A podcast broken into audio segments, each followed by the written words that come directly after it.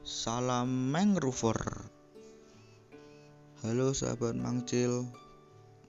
Perkenalkan Aku Ganang Aku juga termasuk Salah satu sahabat dari Mat Kesem Pada kali ini Aku akan menceritakan Sebuah cerita Yang berjudul tentang Mengejar layangan putus Alkisah pada suatu sore di lapangan dekat hutan mangrove, Gifar dan Anggoro nampak ikut mengejar layangan putus. Bruk, mereka terjatuh di pekarangan.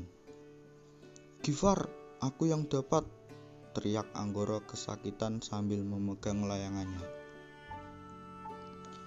Ini layangan milikku, aku yang pertama kali memegangnya, balas Gifar. Saling berebut layangan, tak sadar mereka berdua telah merusak kebun persemaian mangrove yang telah disemai oleh Pak Yadi. Anak-anak, jangan berebut. Di bawah kalian ada bibit bakau tak bersalah yang terinjak. Nasihat Pak Yadi. Maaf, Pak. Kami tak sengaja.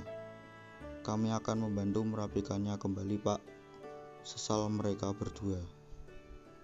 Sahabat, mari sekarang kita mendengar pesan moral yang tersembunyi yang ada di cerita mengejar layangan putus ini. Selalu ingat saat teman-teman bermain, selalu melihat keadaan sekitar apakah aman atau tidak tempat itu untuk bermain. Jangan sampai seperti Anggoro dan Giver ya. Mereka bermain tidak mengenal tempat dan akhirnya merusak pekarangan milik Pak Yadi. Apalagi pekarangan yang dirusak ini merupakan pekarangan persemaian mangrove. Di mana kalau persemaiannya rusak, nanti mangrovenya tidak akan bisa tumbuh. Padahal mangrove kan seperti sahabat mangcil semua tahu mangrove itu manfaatnya banyak. Jadi kalau rusak akan rugi. Seperti itu sahabat mangcil.